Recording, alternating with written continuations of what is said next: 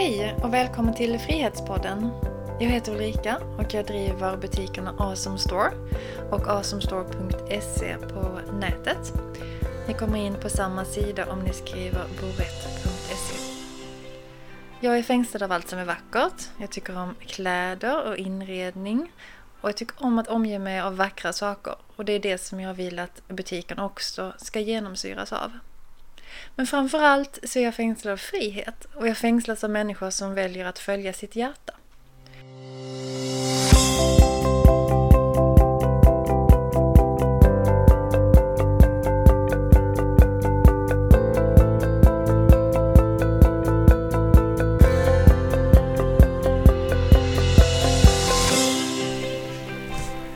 Hej Annika och välkommen hit till, Hej. hej, till Frihetspodden.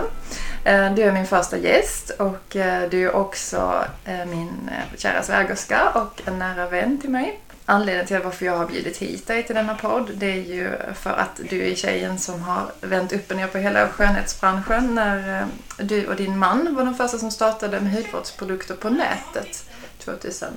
Elva. 11. Mm. Eh, Och tidigare hade ju märken som Caneb, Declior, Paula's Choice och Dermalogica bara sålts på salong och på taxfree. Och jag vet att det inte var helt enkelt till att börja med och jag vet att ni stötte på en hel del hinder som ni inte lät er stoppas av. Mm. För två nätter sedan så sov ju jag och min sambo i det sovrum där allting startade för fem år sedan. Eh, Och jag vet att det var där som eh, svärmor serverade köttbullar så att ni kunde jobba ostört. Vill du berätta lite om det? Ja.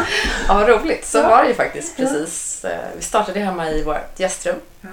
Och vi bor ju kvar där idag som sagt. Det var ju där ni sov. Och första tiden var ju eh, tuff. Det var ju bara jag och min, min sambo. Så att, eh, och e-handel, det är stora krav. Så man måste svara snabbt, leverera snabbt. Så det var inte mycket tid för att gå och laga lunch och sådär. Och så tur var vi snälla svärföräldrar som kom upp ibland och kom in och serverade oss lite ja, köttbullar och annat inne vid eh, kontorsbordet. Så precis så var det. Så vad hade, vad hade ni lager och vad hade ni alla produkter och sådär? I början hade vi allting i vårt lilla gästrum och det kanske var, ja vad kan det ha varit, 10 kvadrat, 10 kvadrat eller något sånt där. Så då hade vi liksom, eh, det var egentligen eh, kontorsborden så när det var dags att packa så var det bara plocka ner allting från borden och eh, börja packa paketen. Så ehm, det var så. Sen så gick det ett litet tag och vi kände så här, gud vi, vi måste få lite mer plats. Så att då eh, byggde vi om garaget. Och, eh, eller vi kapade halva gara- garaget så att vi, eh, vi fick inte in bilen längre men det, det fick, den fick stå ute. Och så gjorde vi, isolerade och så gjorde vi lagret där. Aha. Och så hade vi kvar kontoret inne i vårt gästrum.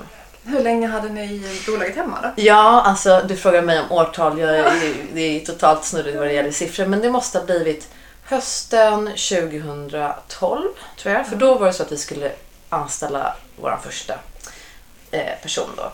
Och då sa vi det, då kan vi ju liksom inte ha en person hemma som sitter vid frukostbordet med kanske smulor kvar från barnen. Utan då måste vi skaffa oss en ordentlig lokal. Eh, så då flyttade vi till Näsby Park. Till en, egentligen en gammal salong var det som vi gjorde om. Åh, vad spännande. Och sen har det ju gått några år och ni har ju vuxit eh, med stadig kraft och ganska så jämn fart har jag förstått. Eh, Och förra året så blev ni ju årets eh, e-handel, årets e-handel 2016. Och i år så blev ni utnämnda till årets företagare i Stockholm. Inte illa. eh, massa eh, utmärkelser som ni är väl förtjänta av. Jag vet att ni startade 2011 med lite över 3 miljoner i omsättning.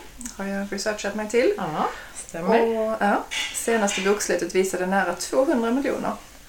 Mm. Eh, en otrolig utveckling. Eh, vad är det som har gjort att ni har eh, kunnat ta er fram eh, på det här sättet? Och hur har ni, har ni lyckats? För ni har ju faktiskt lyckats. Mm, ja. Ja, eh, ja, men det får man säga. Jag hade nog inte i min vildaste fantasi kunnat eh, föreställa mig att, att eh, vårt företag skulle bli så här stort. Jag hade, jag hade liksom inte... Även om jag visste, för när vi startade Skin City så trodde jag jättemycket på idén såklart. Ehm, och jag kände så här att det här, det här kommer vi lyckas med. Men jag hade aldrig, alltså skulle någon ha sagt att vi skulle omsätta 200 miljoner så hade jag bara skrattat och himlat med ögonen. För det var, det var så långt bort ifrån vad jag någonsin hade kunnat drömma om. Jag hade ju så här en treårs... Eh, vi, gjorde, vi har gjort treårsplaner hela tiden. Eftersom det går så snabbt med e-handel och förändras så mycket, kan åt, åt båda hållen, eh, så är det svårt. Nu har vi femårsplaner, men mycket längre än så är det svårt att sia. Även liksom de sista åren när man gör en femårsplan nu så är det liksom väldigt osäkert. Men, men tre år har vi gjort innan och satt upp mål. Men jag vet då min, eh, min man som eh, sysslar mer med de ekonomiska bitarna mm. än vad jag gör. När han sa, eh, om det var år tre eller när det var som vi skulle omsätta 35 miljoner. 30, du är helt sjuk liksom. Oh, Hur ska så. det gå till? Ja, och sådär. Men sen så helt plötsligt så växer saker. För då man är många fler mm. och eh, som sagt det går väldigt snabbt. Man når ju liksom helt plötsligt så det ramlar in folk från hela Sverige och mm. Europa mm. och då helt plötsligt så kan det bli jätte, hända jättemycket saker på kort tid. Men jag skulle säga just som du frågade då, vad är det som har gjort att man har lyckats? Det är, det är ju verkligen inte en sak. Eh, utan det är många saker. Liksom. Men eh, det som kanske genomsyrar ändå i alla, i alla oavsett vad, vad det är då, då så det är ju en passion för det man gör. Eh, det tror jag liksom. Utan det så man kan sitta och tänka på smarta affärslösningar eller affärsmöjligheter. Men har man inte en passion för det man gör då tror jag aldrig att man kommer lyckas på Nej, riktigt. Det är sant. Så den tror jag är jätteviktig. Mm. Sen så sen är det eh, svinhårt arbete. Du vet ju det. Vi har ju liksom mm. träffats under åren och du är också egen. Vi har ju sett varandra mm. liksom, mm. jobba och gå igenom motgångar och framgångar och allt möjligt. Och det, det, det är ganska tufft. Eh, men på något sätt så... För mig har det varit, för mig var det tuffare att vara anställd. Mm. och jobbigare mentalt och allt möjligt. Så, eh, så jag tycker att det är liksom, när det blir ens eget, man brinner, man har så stark tro i det man gör och man liksom man bara kör sådär. Så det tror jag så här, att man, man, att man verkligen har eh, hårt arbete och så måste man vara man måste vara ganska envis mm. och eh, bestämd. Ja, jag. och jag vet att du ofta säger att gör samma sak om och igen. Exakt. Repetera, ja, verkligen. upp. Det är, en, det är en jätteviktig grej. Konsekvens. Det pratar vi faktiskt väldigt mycket om på, på Skin City. Eh, för jag ser så många, man ser så många så här, eh, både e-handel och andra så här, som man blommar upp och man tycker att en kanonbra affärsidé och så här, men sen så är man inte konsekvent. Så här, börjar man till exempel skicka ut nyhetsbrev som ett bra exempel. Bestämmer man sig för att man ska skicka en gång i veckan, då måste man hålla det. Eller lägga ut Instagram. Även om det i början inte ger, till exempel när jag bloggade, man lägger ut inlägg efter inlägg. Ingen kommenterar, det händer ingenting. Man måste bara fortsätta, fortsätta, fortsätta, fortsätta. Och tror man på det man gör, då kommer det successivt liksom att eh, så, så de sakerna eh, tror jag. Sen så hade vi också en bra timing. Eh, och det är ju sånt som, som man får vara väldigt tacksam för. Vi, det låg liksom lite... Eh, E-handeln var väldigt omogen i vår bransch och ganska generellt sett också. Eh, men eh, vi var inte för tidiga för då kan vi vara jättesvårt. Mm. Eh, och, men vi låg för alla andra mm. i det här segmentet som vi jobbar i som är lite mer professionell hudvård. Så att, ehm, och jag vet att det var en del hinder från början. Att det inte var sådär självklart att sälja just eh, hudvård på nätet. Mm. Eh, hur, hur funderar ni kring de hindren och hur, hur såg de hindren ut? För jag vet att många som har en affärsidé just kanske vänder vid första hindret och inte vågar längre eller inte orkar, ger upp och känner att det är omöjligt. Mm. Eh, på något sätt så lyckades ni också för att ni tog över de här hindren som kom i början. Mm. Hur, vad, vad, vad var det för hinder och hur gjorde ni för att komma över dem? Ja, men det är ju... Det, så är det ju verkligen. Alltså det, de först, det absolut första hindret tror jag var redan när man vid det stadiet liksom började så prata kanske till sin familj och sina närmsta vänner och så, så här, men vi funderar på att liksom säga upp oss. Så här, eller Micke, Micke då, min man, han hade ju ett annat företag innan som han avvecklade. Och jag funderade på att säga upp mig för att starta någonting som jag, som jag trodde på. Och vad jobbade du tidigare? Ehm, då jobbade jag på Sensai, eller Canebo som, som det också heter, eh, som eh, produktchef och PR-ansvarig. Mm. Så du var inne i branschen? Jag var i branschen, Mm. absolut, och har varit i branschen sedan år 2000. Så det låter som att man lastgammal, men 17 år. Det är jag ju också snart. Vi är lika gamla du och jag Ja. också. Ja. Nej men så, så, och då var det liksom redan då många, och då som sa såhär, men gud, ska du verkligen, man vet ju vad man har, man vet inte vad man får och du vet allt det här klassiska. Folk. Man är rädd och sen, men ni har ju två barn, hur ska ni, du kan ju inte bara se utifrån ditt jobb. Just det. Tänk om det inte funkar och tänk om, tänk om det och tänk om det och tänk om det. Och, och Mick, Micke och jag, vi var också så att vi ville inte ta några banklån. Nej, just det. Vi ville inte känna oss beroende av någon. Eh, Så vi, eh, vi var också tvungna att sälja vårt hus som vi bodde i och köpte ett mindre i samma kvarter. Men för att få loss lite kapital så att... eh, För det är inte bara att starta upp. Det första Nej. året får man nästan räkna med att det inte kommer in några pengar. Just det, det så. Mm. Så det var, det var tufft. Alltså det var, Mm. det var inga restaurangmiddagar och annat då liksom. Men vi ville verkligen det här. Och, och vi hade alltid den inställningen liksom att går det åt skogen så, här, någonting, så Mm. då, då får man ta ett annat jobb. Och jag ser ingen prestige. Alltså jag skulle kunna tänka mig att ta vad som helst. Så det fanns en backup-plan kan man säga? Ja, det var väl backup-planen och både Micke och jag var nog så liksom. Vi skulle ju aldrig låta våra barn bli drabbade av att våran dröm inte gick som den utan då får vi ta ett annat jobb även om inte det passar mig eller det jag vill eller sådär. Eh, sen så tror jag också lite att, så, så det är väl de första hindren när alla, inte för att folk inte vill en väl men för man är lite rädd och liksom sådär. Man kanske de hindren och sen då ekonomiskt, hur ska vi göra? Vi vill inte ta lån, okej vi säljer huset. Det är ju också så här, hur ska vi ta oss över det här hindret? Ja men vi säljer huset.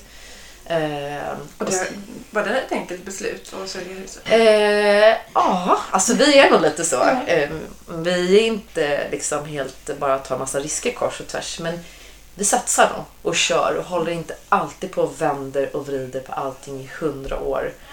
Eh, för då skulle aldrig Skin City ha blivit till. Och många saker som vi har gjort hade inte heller blivit till. Utan man måste våga ta lite risker tror jag. Jag tror att så länge man tror på dem riktigt innerligt liksom. Tar man inte lite risker i livet, det gäller ju inte bara affärslivet, det gäller ju hela livet, tror jag. Absolut. Då, då kommer man kanske inte framåt heller. Och jag brukar tänka så här, vad är det värsta som kan hända då?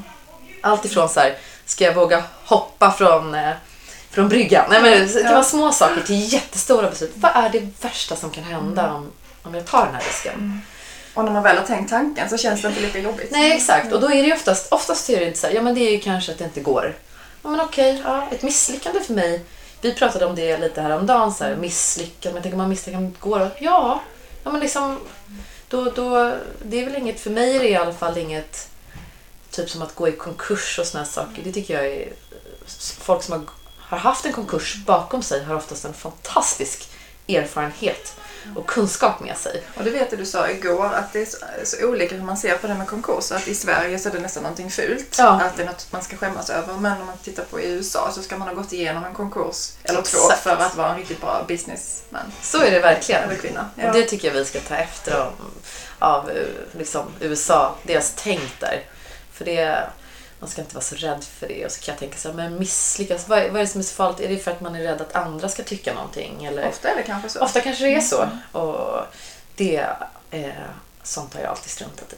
Du har alltid gjort det. Ja, jag vet att du är lite eh, fisken mot strömmen höll jag på att säga.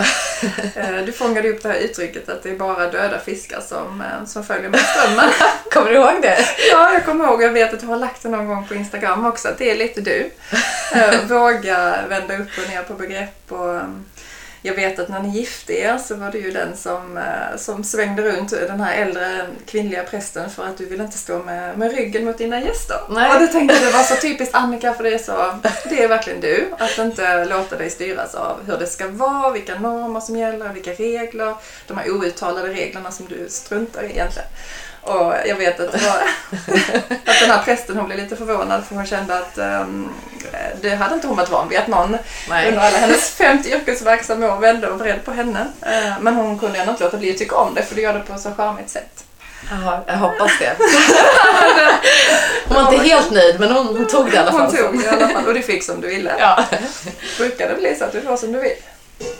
Mm, inte alltid ska jag inte säga, men jag, eh, jag kan nog vara ganska, det kan nog min eh, kära sambo bevittna om, att jag kan nog vara ganska jobbig när jag fått för mig att jag vill ha det på ett visst sätt.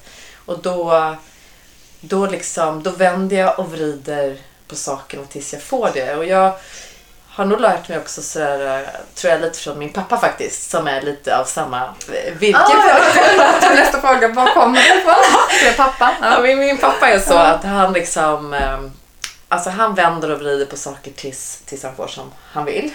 Och, fast inte på ett kanske, inte på ett eh, vad ska jag säga, hårt sätt utan han eh, Ja men till slut så, liksom, så, så lyckas han få igenom det på något sätt. Och, så det har jag faktiskt nog lite fått från honom där. Och, och sen så, jag tror att det var ehm, en av mina Eh, helt sjukt, jag är ju vimsig med namn. Vad heter eh, han, norska grund, hotellgrundaren? Det är ju min idol. Eh, grundaren som har jordgubbsfilosofin. Petter Stordalen. Han gillar jag jättemycket och han sa så här och det så tycker jag verkligen, så känner jag, kan jag känna igen mig lite i att liksom om man har en, eh, det kan vara en avtalsförhandling eller det kan vara en förhandling i hemmet eller kanske med en grupp människor man ska komma överens med eller eh, sin svägerska, I don't know. I alla fall, då måste man ju också försöka, om det är något man vill få igenom så måste man också försöka tänka så här, men vad, vad blir fördelen för den andra? Aha, okay. Så att man istället liksom försöker lyfta fram så här, vi säger att det handlar om ett nytt varumärke vi ska, och så kommer vi inte överens. Liksom, då måste jag lyfta fram vilka fördelar de får av att finnas hos oss på Skin City. Så det är de du lyfter fram fördelarna ja, men då och presenterar dem? Exakt, jag börjar sälja in dem liksom. Och pratar och, och, och, och vänder på det liksom. Och sen så då blir det mycket lättare att komma med sina eh, krav. Eh, och även om man har krav så kan man väva in, man kan väva in det hela tiden för det finns, all, det finns det är ingen som är dum liksom. Och man, eh, alla vill ha ut någonting av sak. Eller eh, om vi tänker affärs, mm. affärsrelationer då, så är det ju alltid liksom givande och tagande. Och, och om man då lyfter fram eh, fördelen för motparten så har man mycket lättare att få igenom. Och få ett ja. Och så tror jag att jag tänkt lite. Och, det, och, och Petter Stordalen pratade om det i en, i en podd som jag hörde honom. Ja. Jag, jag tycker verkligen att det är det är ett bra sätt. Det är också ett schysst sätt. För då, det handlar inte om att lura liksom, utan man, man, det är smart. Ja, men det är paketera lite smart och det funkar ju i alla relationer egentligen. Exakt. Inte bara i affärsrelationer Absolut utan inte. i eh, alla sorters relationer. Verkligen. Mm. Hemma är det väldigt effektivt. Men hur funkar det nu? Du jobbar ju tillsammans med din man ja. och har gjort sen ni startade detta tillsammans. Mm. Uh, hur funkar det? Är det alltid uh, en dans på rosor eller kan det vara... Hur är det egentligen? Um, men jag skulle faktiskt säga i vårt fall, den, första, den vanligaste reaktionen jag får är så här, hur kan du jobba med din man? Det skulle jag aldrig klara av att göra. Och jag kan faktiskt känna så här utan att på något sätt försköna det, att det är det bästa som har hänt våran relation. Är det så? Ja, det är faktiskt så. Det har stärkt våran relation sjukt mycket. Och förståelse för varandra och samspelet oss emellan. Och eh, vi har, vi har kommit varandra närmre. Eh, och vi har aldrig bråkat så mycket egentligen överhuvudtaget men ändå mindre nu. För att vi har en så mycket större, större förståelse för varandra. För jag tror många kanske är bråk i hem eller tjafs, det inte vara bråk med tjafs. Speciellt när man har barn och så kan det ibland handla om både ha jobb och kanske sådär och man, vem ska ta hand om barnen och vem har hämtat och du jobbade över igår och alla sådana här saker. Eller ekonomi, eh, vi, har, vi sitter lite i samma båt. Mm, liksom.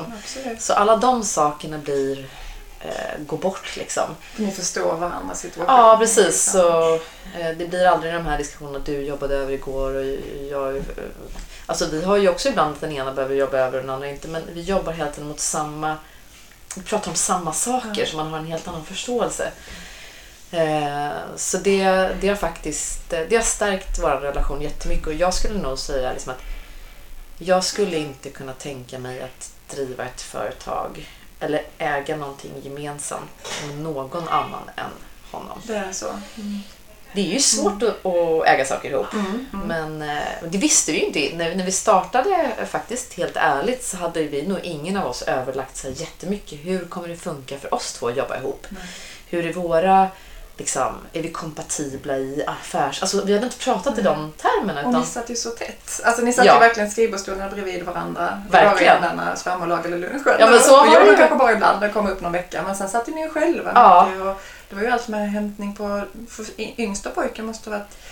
Malin var ju ganska liten. ja, han hade precis börjat eh, dagis tror jag. Han var ett och ett halvt Ja, kanske. just det. Och så Ja, ja, Sienna då som var... Hon är tre år äldre, Ja. alltså fyra och ett halvt. Fyra. Så det var ju också så här med eh, sjukdom, alla som har barn vet ju med sjukdomar och sånt den tiden. Och då var jag själv och svarade i telefon och mejl och alla hudtest och... Just det, för ni gjorde hudvårdstest på nätet då ju. Ja, precis. Och det var... Och, och då satt du och analyserade provsvaren Ja. hemma i din kammare samtidigt som ni packade Ja. ordrar, ja. var kundtjänst för att Ja. få en... För det hade ni från början den här servicen som ni har. Var den, det var liksom ett tänk som ni hade från början om jag Ja. förstår det. Ja, men så är det verkligen. Faktiskt så, alla de värdena vi har idag och så som vi jobbar har vi gjort från början. Även det här med att vi är noga med hur vi packar på våra paket, den här lilla kokeshin, den här lilla dockan som vi lägger i våra paket, paket som, en, som en gåva. Allt det har varit med från start. Skillnaden är väl kanske att telefontiden var 9 till 3. Nu har vi 9 till 9, sju dagar i veckan. Så att vi har utökat för att vi har möjlighet eh, mer bemanning. Hur många sitter på kundtjänst idag? Eh, det är ungefär 20 stycken och alla är hud. Alla är hudterapeuter. Mm.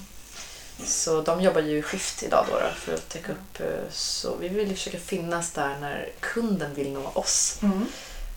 Och det är ju inte alltid på kontorstid. Nej, det är ju inte det. Det är ju ofta kanske på kvällen och sådär.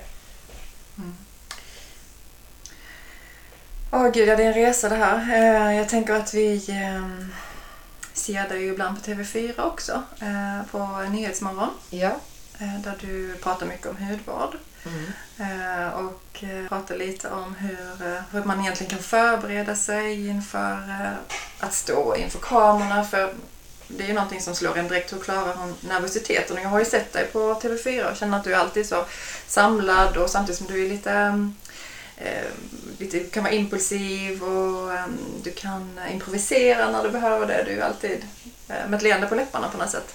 Så klarar du det med bravur. Eh, men hur, hur, hur klarar du nervositeten att stå där och det är tidig morgon och man har knappt hunnit vakna och så kommer den där jättenervositeten Ja. kan jag tänka mig. Ja, men det, det är ju faktiskt, det är som, som jag sa till dig lite, det sjuka är att jag har fruktansvärd scenskräck. Du har det? Ja, när jag gick i gymnasiet gick jag, hade valde jag teater för jag var någonstans lite intresserad av det. Så jag, jag valde så här teater. Men jag slutade för att jag, liksom, jag pallade inte med nervositeten innan. Och på mitt jobb innan jag hade, innan vi startade Skin City. När jag skulle hålla eh, konferens för, alltså internt, för säljarna. Åtta stycken. Alltså jag var så nervös innan så jag, jag, eh, jag minns, och det här kan en svärmor också intyga. Eh, jag gick till läkaren och bad och fick så här bet, betablockering tror jag det heter. Det kommer jag ihåg, du Ja, berättade. Ja, För att jag, jag blev, och det handlar ju om egentligen om ett kontrollbehov jag har. Att jag, liksom, jag måste känna att jag kan allting helt utan till innan. Sen så kanske jag improviserar eller säger något annat. Och Men det jag, förberett. Jag måste liksom för- ja. Mm. och det här har ju faktiskt blivit lite bättre med åren. Men eh, fortfarande så liksom så när TV4 kontaktade mig, jag kommer så väl ihåg det här, jag satt på, på ett plan tror jag och läste mejlen och fick ett mejl. De hade Mm. läst min blogg. Mhm. Och så hittade de mig och så frågade de om jag kunde vara med. Och någonstans så har jag, någonstans så har jag haft en dröm om att få vara med där. För Mm. någonstans så tycker jag att det är roligt. Och när, när jag gör det tycker jag att det är skitkul. Men jag är vrålnervös innan, Mm. oftast varje gång. Och det förstår jag verkligen. Ja, men det är, jag tycker att det är värre att stå och prata inför eh, till exempel hålla ett tal för min man på vårt bröllop inför släkten. Eller prata inför våran, våran personal på jobbet på en konferens. Än att vara med på TV4. Och varför det? Därför det är så här, då står vi där i studion. Det är jag och några till. Det känns ju som att man står och chitchattar i vardags... Alltså, det, är en, det är en annan grej liksom. Och du har blivit lite kompis kanske med Tilde? Ja, och man pratar lite med och de är ja. väldigt gulliga och man känner sig väldigt liksom... eh, Men det kommer alltid, jag brukar få en så här liksom en, eh, några sekunder in på varje inslag så kommer det någon sån här, kan det komma någon sån här, det kickar in någonting som bara, att jag får en sån här nervositetssvall liksom. Just det. Och sen lägger den sig. Eh, ibland kommer den, ibland kommer den inte. Det kan bero, ofta på, på TV är det ju väldigt, det kan ju vara så här, du ska vara med 8.40 och vi ska prata om det här. Sen två minuter innan är det så här, Nej, eh, det blir eh, istället för fem minuter blir det två minuter. Och det är jobbigt. Och du ska göra på en modell också. Och här kommer hon. Och liksom, det, kan, det kan bli helt liksom. Jag kommer ihåg en morgon när jag kom dit. Jag var där i god tid innan. Jag skulle prata med en vårtrend. Jag hade hur mycket grejer med mig som helst. Och skulle liksom säkert öppna 200 läpp, äh, läppstiftslock du vet, och ställa upp snyggt. Sen skulle Joe Labero vara där innan. Nej, inte Joe Labero. Det var Tony Irving skulle vara där innan. Mm. Och han kom inte. Så att eh, jag kom in, jag hade inte ens borstat håret. Kom in där i TV4-huset. Som jag hade sminkat mig, för jag hade sminkat mig enligt vårens trender som jag skulle visa. Ah, har du sminkat dig själv inför varje? Eh, det är lite olika. Oftast så olika. brukar jag låta tjejerna göra det för att det är tidigt på morgonen, ganska Mm. skönt. Men då hade jag gjort det själv för jag skulle också ha på mig det jag visade då, just Mm. vad gäller makeup. Men jag hade inte dragit en borste i håret, det var liksom alldeles rufsigt. Och de bara, då hade jag egentligen en och en halv timme kvar, men då var det så här, kan du gå in nu? För Tony kommer inte. Och, jag, och då var jag så här, ja, men någon måste hjälpa mig med alla läppstift och jag måste få låna en hårborste. så det, kan ju, det är snabba förändringar. Det blir absolut, jag kan ju planera in i minsta detalj men det blir väldigt sällan vad, så som man har tänkt Så sig. är ju livet. Du kan Så planera till viss gräns och Ja. sen så kan du inte planera det där sista. Nej, Och då gäller det ju att försöka ta det på rätt sätt ju. Ja. Men det, det gör du ju ändå, för jag har ju sett dig redan. Jag vet att du klarar det. Men det är som sagt, det vänder ju upp och ner på allt. Och det gör att man blir lite extra nervös ju. ja, verkligen. Har du någon gång varit nära på att ge upp eh, under den här resans gång? Har du känt någon gång att... ehm, eller var det sådär självklart från början att det skulle bli en framgångssaga? Um, alltså jag har alltid trott jättestarkt på konceptet. Uh, jag var övertygad om att vi skulle lyckas. Det låter ju kanske lite så här eh, självsäkert och det är egentligen inte meningen men jag tror att jag hade inte vågat ge mig in i det här om jag inte hade trott på det av hela mitt hjärta. Och jag tycker inte kanske att jag... Man ska inte skämmas för att säga det. Jag, jag trodde på det här stenhårt, det gjorde jag och det gjorde Micke också. Vi såg en lucka och liksom allt så här. Men... Eh, jag måste tänka, har, jag har nog aldrig tvivlat på vårt koncept.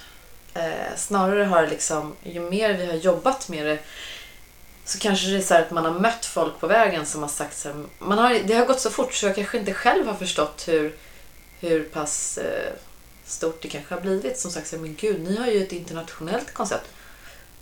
Ja, gud, det, det har, vi, har vi det liksom? Kanske vi har sådär. Så, men, eh, så det, men, men din fråga var om jag har velat, känt att jag ville ge upp. Mm. Eh, nej, Nej. det tror jag inte. Däremot tror jag som alla kanske känner, bitvis har det varit jättetufft. Liksom eh, när, när det kanske eh, när det är tufft på jobbet, man kanske stöter på jag ska inte kalla det problem, men utmaningar är det ju hela tiden. Och vissa utmaningar är större än andra. Och vissa, ibland sådana, det kan också ha varit möjligheter som har kommit som har tvingat oss att ta beslut. Men möjligheter som jag som kanske handlar om ekonomiska saker som jag, jag inte kan. Som är, och det är sjukt frustrerande när man behöver ta svåra beslut om något som kan vara avgörande för vår framtid och Skin Citys framtid. Mm. Där man känner att man inte... Vad, vad kommer det här innebära för oss om vi gör så här eller inte göra så här? Är det, blir det, alltså sådana saker. Och jag känner ändå ett ansvar också såklart för vi har 70 anställda drygt, snart 80. Kommer det, kommer, kommer det här att påverka dem liksom? Och sådana här saker. Så det, men inte som har gjort att man har velat ge upp. Ja, Men ibland, typ. nej. Är det den där starka övertygelsen att eh, du ändå har trott så starkt på det inombords som har gjort det kanske? Att det ändå har funnits en grundtro på det? Jag tror det. Jag tror det absolut. Mm. Det tror jag. Mm, Och det känns som- som det. Och Micke och jag, det kanske är, men jag kom på det en sak jag glömde säga förut. Just Mm. om, det kanske handlar lite om det också, men om, om att jobba ihop och den här, det är ju ändå någon, någonstans en tro man har, men också man har tillsammans. Att vi är ju extremt olika. Är ni det? Ja, men jag tycker ni är så lika på många tycker sätt. du? Mm. Ja, ja, men jag tror att vi har samma grundvärderingar. Så att vi har liksom en, en, en bas Mm. som är lika. Men vi, i rent kompetensmässigt i liksom Där skiljer ni Ja, i arbetet. Där skiljer vi oss väldigt. Men det har också gjort att... ehm, nu kommer jag in på en annan sak vi pratade om Ja. igår som eh, handlar om ehm, eh, att man kanske behöver någon att prata med ibland. En mentor eller så. Eh, där, eftersom vi är så olika så när man känner, ibland känner att det är motgångar, det är tufft. Kanske inte att man vill ge upp men att man känner så här, luften går ur oss alla ibland. Ja. Liksom. Det, jag är ingen supermänniska. Precis. Alltså, för alla gör det ibland. När det blir för mycket, man kanske har sovit dåligt och massa saker. Eh, om man då har någon som, man, som kanske tänker lite annorlunda än vad man själv gör. Som kan säga så men du, nu pratar du om det här som det är något jättestort. Om du tänker så här. Och i relation till det här. Och liksom, Är det, mycket som, är det mycket som, som är rösten som eh, Ja. är han lite mer um, sett i relation till, till något annat? Eller vill han att du ska liksom...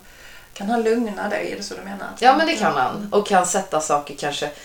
Jag kan mer kanske gå upp i, eh, gå upp i varv och, och då, kanske, då får man lite så tunnelseende.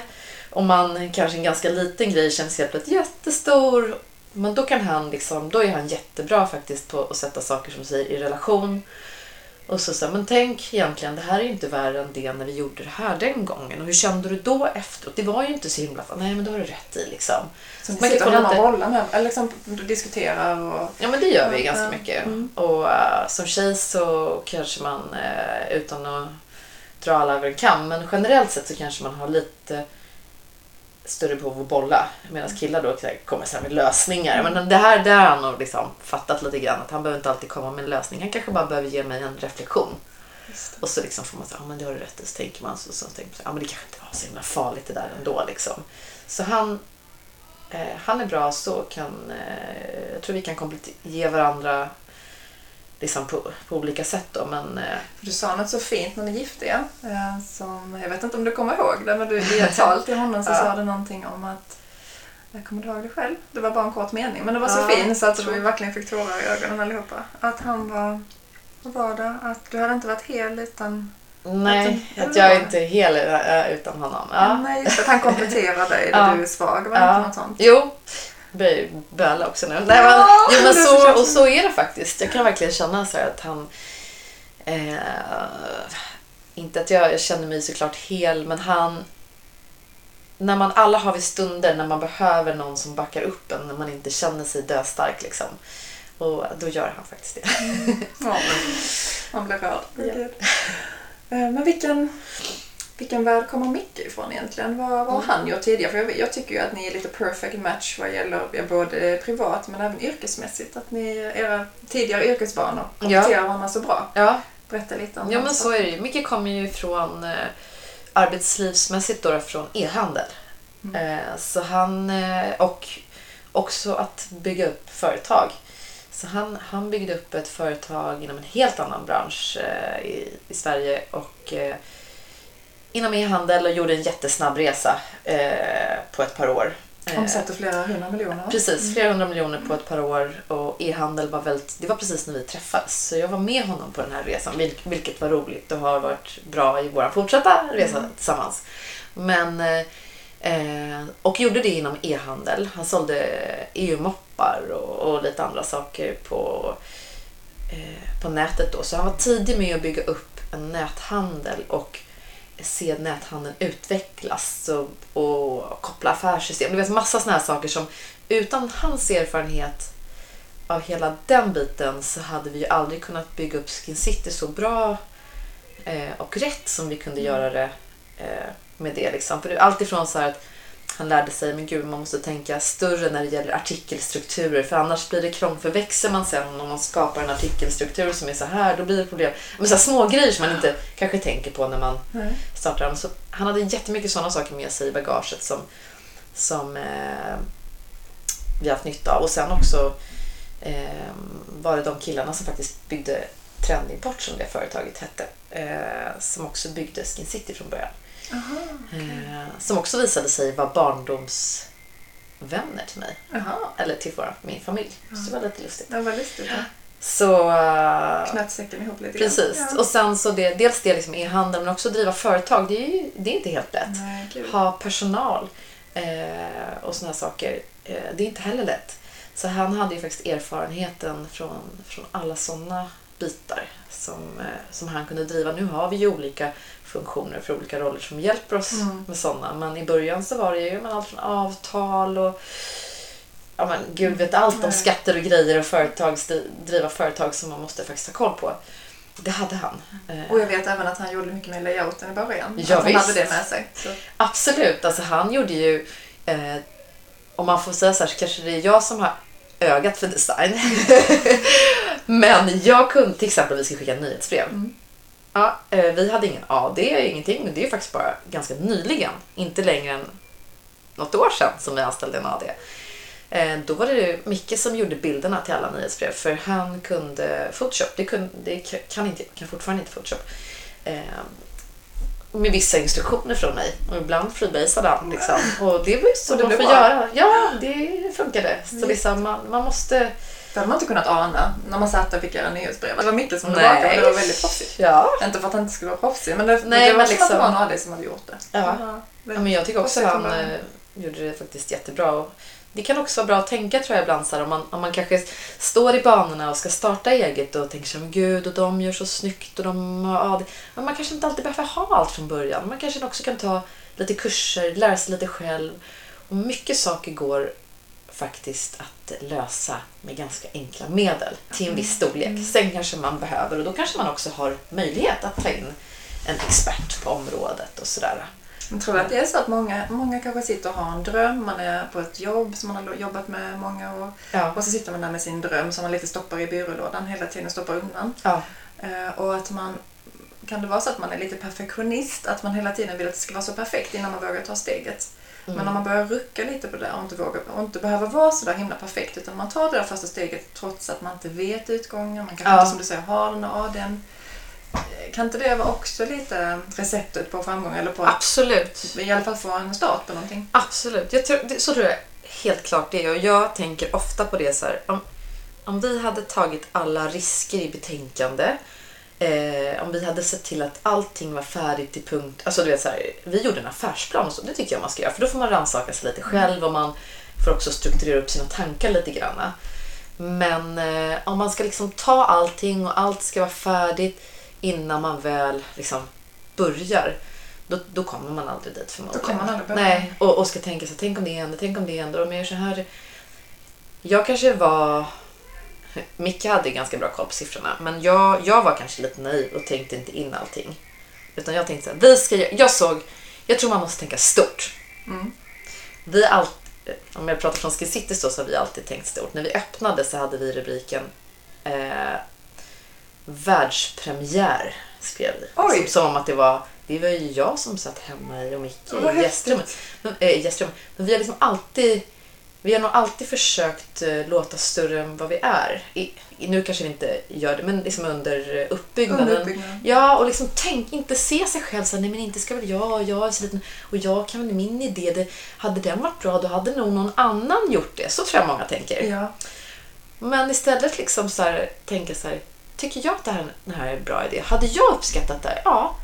ja men så, liksom, Mm. så konstig är man ju inte. Då är det förmodligen andra som också kanske hade tyckt att det var bra. Sen kan man ju testa idén på några vänner för att se. Ja, för att få det. kanske sin, för alla idéer är ju såklart inte kanonbra. Eller Nej. kanske är bra men de kanske inte kan ge eh, inkomst eller kanske dyr produktion. Eller så här. Men man kan man ju testa den lite grann och sådär. Men sen så tror jag att man måste våga kasta sig ut. Ja. Och man kan ju faktiskt kanske, vissa saker kanske man kan börja med lite vid sidan om innan man kanske säger upp sig och tar det stora steget för att se liksom eh, om det Om det håller. finns där. Ja. Mm, just det, det är ett bra förslag för just någon som har en dröm som man Mm. inte riktigt vågar tro på och kanske ha kvar en, en deltidstjänst kanske. Ja, För det tar ju ändå ganska mycket Exakt. tid att öppna och starta upp och Så- allt man ska göra. Och man kanske inte kan fortsätta jobba heltid men Nej. att gå ner lite i tjänsten så man ändå har lite av sin trygghet kvar. precis. Och prata med sin arbetsgivare om man eh, är anställd någonstans. Exakt. Börja känna lite.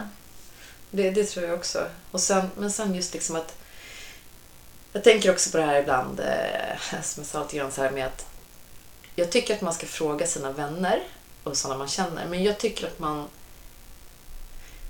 man ska inte lyssna för mycket. om jag får säga. Om jag, Nej. jag, jag tror liksom att hade jag lyssnat på alla, även om det är vänner som vill mig väl, familj så här, då hade vi aldrig haft Skin City. Var det så många som var negativa? Inte negativt, men folk är ju i, eh, människor är kanske, man är rädd för att eh, eh, liksom ta steget. Och, men just det här man vet inte vad man får, man vet vad man har. Ni har ju familj och barn, ska ni äventyra det?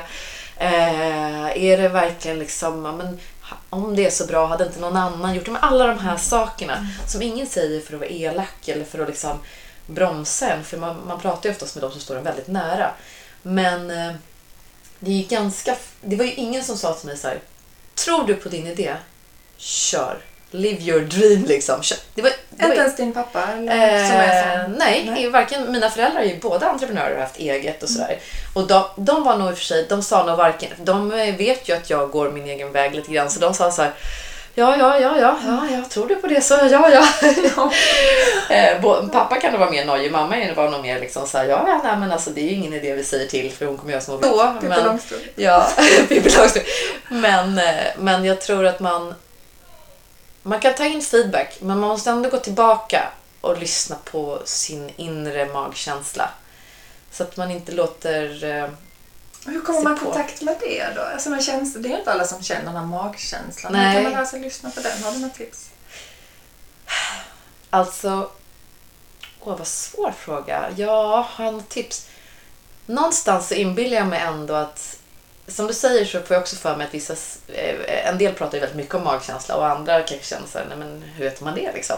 Och är det Men- samma som intuition? Ja, är det det? Är det det? Alltså, om jag Vad du? säga, det- nu ställer jag frågan till dig, men om Ja. jag ska säga vad Ja. jag tänker och tror och min erfarenhet så magkänslan, på något sätt kommer man åt den när man är lite avstressad. Ja.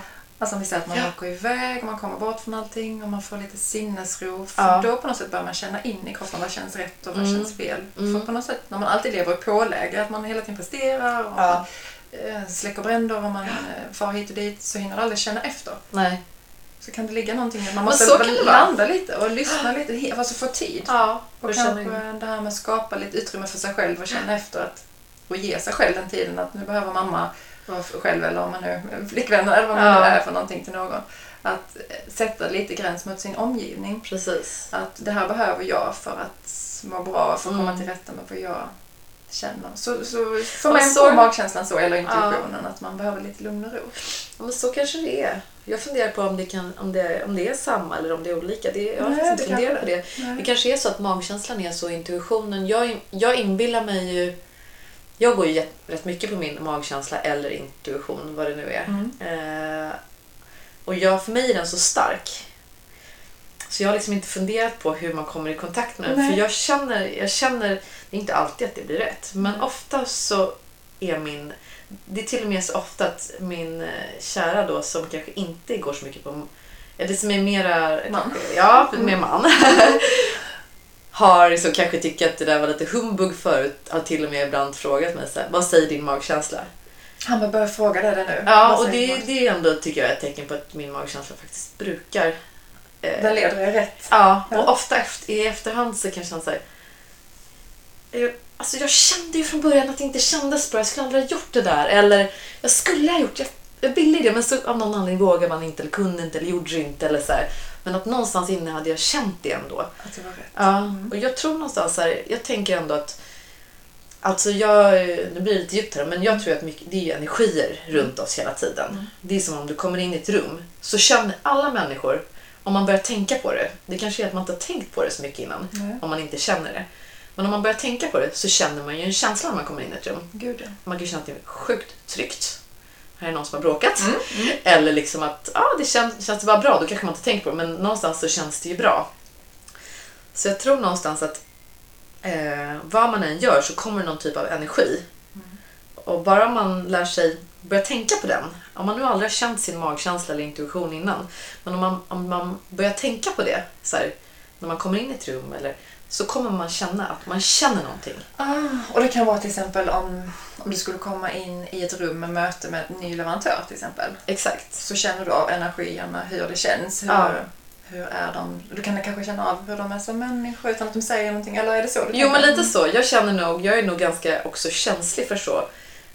Om det är, en, eh, om det, jag kan ju känna direkt om det är någon som har bråkat i ett rum eller om, det, om jag känner så att det, det är någonting som inte stämmer med den här personen idag. Kan jag bara känna direkt. Den kanske inte har sagt något, gjort något. Den sitter, personen sitter bara på sin stol. Så, så kan jag... Eh, oftast så, så känner jag att det är något som inte stämmer. Eller eh, oj, den här personen verkar superglad idag. Liksom, av någon annan. Det är någonting i energin som, som sänder ut det. Kan ni ta beslut utifrån det då? Du säger till Micke att det här kändes inte bra i magen men han är ju leverantören. Han är Ja, med. oh ja. Ofta. Det är så. Ofta. Och så blev det ett nej på grund av att det kändes inte bra. Ja, absolut. Och jag menar, liksom, om man tittar på, eh, på Skin City då, liksom, till exempel så här våran paketering eller vad så här, om man hade tittat, om vi hade gått in idag då hade vi suttit och kanske börjat räkna på vad kostar att använda två silkespapper per kartong och bla, bla. När vi startade så var det inte, det var inte en fråga utan det var så här, ska vi ha en e-handelskopp då ska det, för mig var det så här, då ska det vara någonting helt annorlunda. Våra kunderna som handlar hos oss ska få en upplevelse som de inte har fått någon annanstans. Det ska vara silkespapper. Om det kostar två kronor, det spelar ingen roll. Det ska vara det. Då, då får det vara så. Och så det, alla de här liksom grejerna som är grunden och som många har sagt så här, men det är jättefint med de här extra gåvorna jag har och väskan, men det där kommer aldrig hålla på sikt ekonomiskt och sådär har man fått höra. Men vi var så här, för oss var det liksom, det var en icke-fråga, utan det var så vi skulle göra det. Och någonstans har vi lyckats eh, få till det. Och är det inte på grund av det som ni har lyckats? Att ni har överraskat kunden med att ge någonting som Jo, man inte har betalt exakt. för? Alltså, f- f- ehm, Precis. eh, det som, ehm, som man inte hade förväntat sig, Ja. som överraskat dem och som blev lite så här guldkanten i paketet. Ja men så är det ju verkligen. Utan det hade vi absolut inte varit. Så hade vi dragit ner på alla de där och snålat det, då hade vi inte varit där vi är. Och... Så man måste ju ibland våga liksom utan att räkna på allt i minsta detalj eller liksom gå på sin sajt. Min magkänsla är att det är så här vi måste göra. Eller, eh, det har ju varit massa saker i Skin City som, har varit, som inte alls har varit grundade av någon kalkyl eller någon superkonsult som har varit inne. Eller, utan bara liksom att man går till sig själv. Ibland är det inte svårare än så. Jag tänker också på det på de som kanske sitter och ska starta företag eller projekt i livet eller bygga hus. Eller jag vet inte. Att det är inte alltid behöver det vara... I, I dagens samhälle kan man känna sig att man ska ha in en expert för allting. Och det kanske inte går om man inte har in en proffskonsult och det kostar så här mycket. Men ibland är det faktiskt inte svårare än att gå till sig själv. Mm. Vad vill jag ha? Vad Ja, förväntar vad- jag mig? Precis, om jag handlar, hur skulle jag tycka om jag fick det här? Liksom, eller, eh, se, vi pratar mycket om det på jobbet, liksom, allt ifrån våra kundrelationer som hjälper våra kunder då. Att man liksom, ja, men hur ska man svara kunden? Ja, men det är inte så mycket svårare hur hade du själv velat ha ett svar? Sätt dig i kundens, sätt på dig kundens glasögon. Vad hade man själv velat liksom? Ofta så har man ju svaret där och liksom, ibland såklart behöver man ta in experthjälp men ibland så, jag kanske står i vårt företag och i vår styrelse för den delen som inte är den, vi har de som är duktiga på kalkyler och givetvis och sådär med och svåra strategier och eh, analyser men jag är kanske den som då helt plötsligt kommer in mitt i en diskussion om, eh, om någonting är görbart och man sitter i massa analyser så kanske jag bara kommer in med något lite sunt bondförnuft och så sitter jag så här, ja, ja det kan jag. Så här. Och ibland tror jag att det, det kanske behövs ibland, då ska man starta. Då kanske inte det behöver vara svårare än så. Nej, just det. Det, det ligger ju mycket i det du säger hela tiden, ta på sig kundens glasögon. Ja. Vad hade jag blivit glad av för svar? Vad vill jag ha? Ja. Vilka överraskningar hade varit roliga? Eller hur känns ett fint paket? Hur ska det se ut? Att inte tumma på det utan Exakt. det är, som du sa, en icke-fråga. Att det ska vara så. Jag tänker lite på, ni jobbar ju mycket och ni har två barn. Och friheten, hur är det med det? Känner du att du har frihet idag? Ja, men det, det gör jag faktiskt. Eh, Och, ehm, jo, men det gör jag. Alltså, vi jobbar ju egentligen eh, i princip eh, alla dagar i veckan om året nästan så gör jag ju någonting jobbrelaterat. Ibland liksom Ibland är det ju bara en snabb screen av mejlen eller eh, någonting litet. Men eh, nästan varje dag så gör jag någonting. Men samtidigt så har jag ju möjlighet att, eh, att eh, styra mina tider själv. Jag försöker att eh, aldrig hämta barn senare än fyra. Har alltid gjort. Vi är båda hemma oftast på eftermiddagarna. Men sen börjar vårt arbetspass på kvällen igen, kanske när de har somnat och sådär. Eh, så, mm, och så jobbar vi ibland helger och turas om och sådär. Men vi, eh, ja, för mig är det en större frihet än att vara bunden till vissa tider och också kanske veta att man då har fem veckor på rad semester. Jag känner inte det behovet utan jag, jag värdesätter jättemycket den här eh, friheten i vardagen där man kan styra över sin egen, eh, egen tid. Tid. Liksom. Mm. Och jag vet att det är viktigt för er att resa. Mm. Är det då som du känner att du hämtar inspiration eller kan det komma under dina vanliga jobbdagar också? Ja, men det är faktiskt, det kan komma när som helst. Jag är ganska så här, det kan ju poppa upp och när som helst egentligen. Jag är ganska så... Och vad gör du? Skriver du ner den? En sån tanke så här, ah, den nya, för du Ja, det är gör duktig jag. på att produktutveckla med flip-flop och det kan Ja. vara eh, tröjor, det kan vara Ja. doftljus, det kan vara... Ja. Du skriver ner Jag det. måste skriva ner det, annars glömmer jag bort det. Så direkt skriver jag ner eller fotar eller... eh, Jag måste dokumentera det direkt, annars glömmer jag bort det. Men eh, det kan komma egentligen upp när som helst. Men när det, det kommer som mest idéer, det är när vi är på semester. Min man han blir galen på mig för när vi sätter oss på flyget, det är som att det är något förlösande för min, för min eh, kreativitet. Då sätter jag mig så här i stolen och då, då, det bara börjar bubbla upp och då har han precis satt på sig... av. Jag kopplar och ska kolla på en film eller något och då sitter jag och pickar på honom hela tiden. Så då, då under våra semestrar när jag bara sitter och läser tidningar, lyssnar kanske på poddar eller bara ligger på en strand, då kommer det, då kommer det så mycket idéer så att, eh, så att det bubblar över. Är han mottaglig då mycket eller får du skriva ner dem och ta den sen? Eh, han lyssnar snällt. Lyssnar man snällt då? Han lyssnar men han kanske eh, han, han kanske önskade att jag skrev ner det istället. Men eh, han brukar lyssna ett par gånger sen så brukar han be mig snällt om, om vi kan prata om det lite senare. Mm. Varför springer du baklänges Annika? Ja, jag gillar att göra saker baklänges. Nej men eh, det var faktiskt så att det, bör, det hela började faktiskt med Undrar om det började, jag kommer faktiskt inte ihåg. Antingen började det med att jag såg Britt Ekland göra det här. På TV eller i På, äh, på TV, ja. Och så tänkte jag så här, hon är ju liksom, vad är, hur gammal är hon? Hon är över 70 hon. Ja, det måste hon Ja. vara. Och så tänkte jag så här, ja men hon, hon har säkert gått både det ena och det andra gympasset i sina liv och fått massa bra personal, eh, personal trainers och allt, så det ska jag också prova. Men eller så var det så att det började med att jag har nämligen fått ont i ett knä så jag kan inte springa framlänges för långt. Det kanske var så det började. Jo men så började det. Och så såg jag det här med Britt Ekland. Så testade jag att springa baklänges och då fick inte jag ont i mitt knä. Och då tyckte jag att det var toppen och så då började jag springa baklänges. Eh, men sen är det ju ibland lite svårt på vissa vägar. Så då har jag, nu gör jag också hoppsasteg åt sidorna. Eh, varvar baklänges och så kan jag springa lite framlänges. Och i, idag kunde du ta din första löprunda på väldigt länge. Ja. På typ, vad var det, fem kilometer? Fem kilometer, Ja. nästan framlänges hela vägen. Lite baklänges Och och lite lite hoppsa. Och det är frihet. ja, det är frihet. Ja, det är fantastiskt. Och sen jobbar vi med en annan frihetsfråga. Det är Mm. att bli fri från näsdroppar. Ja, som vi pratade om precis. Exakt. Om jag låter lite täppt. Inte så farligt. Nej, ja. Men, eh, och du har varit beroende av det i hur många år? ja, det är så hemskt. Det här började ju faktiskt nässpraysberoendet för typ, hur gammal är min dotter? Hon är 11 år. Hon är äldre. Det är 11 år sedan som, för när man blir gravid kan ju man ju få så nästäppa Gud, konstant. ja. Och det fick jag. Jag var ju konstant nästäppt i nio månader. Och då började, då blev jag ju beroende såklart.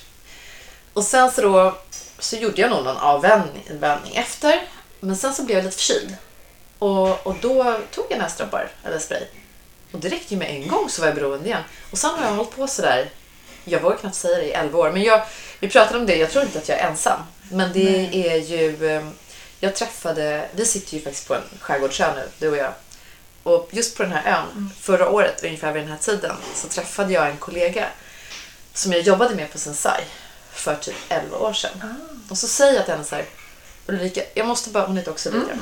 Jag måste bara gå in, ursäkta mig, jag måste bara gå in och ta nässpray för jag kände att det totalt stoppade upp. Och då så sa hon så här, men Annika, tar du fortfarande näs, nässpray? Vadå? Men det var ju 11 år sedan du började med det. Och då fick jag nästan panik när hon sa det.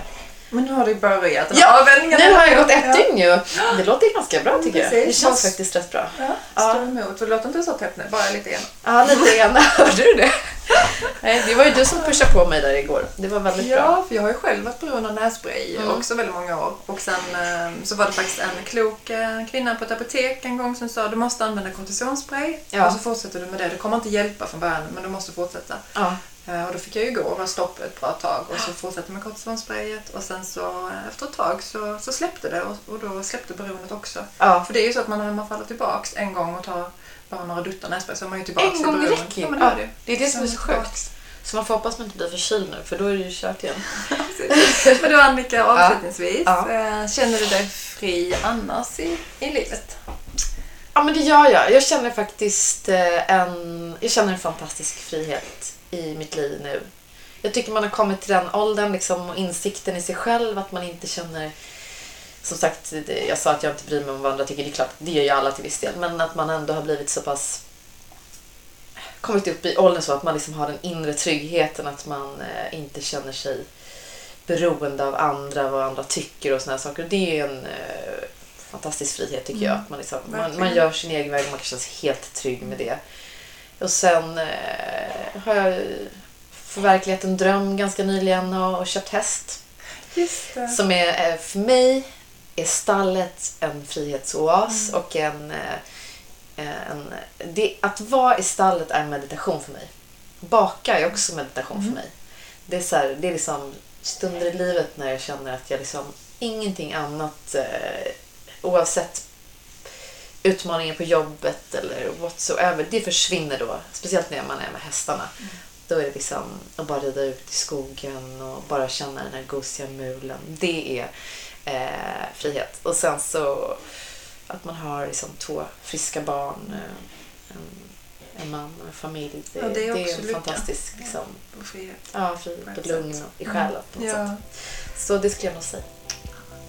Tack snälla för din tid. Det Tack var själv. jättekul och mysigt att prata med dig på detta sättet. Ja, detsamma. Superhärligt. Ja, det var det.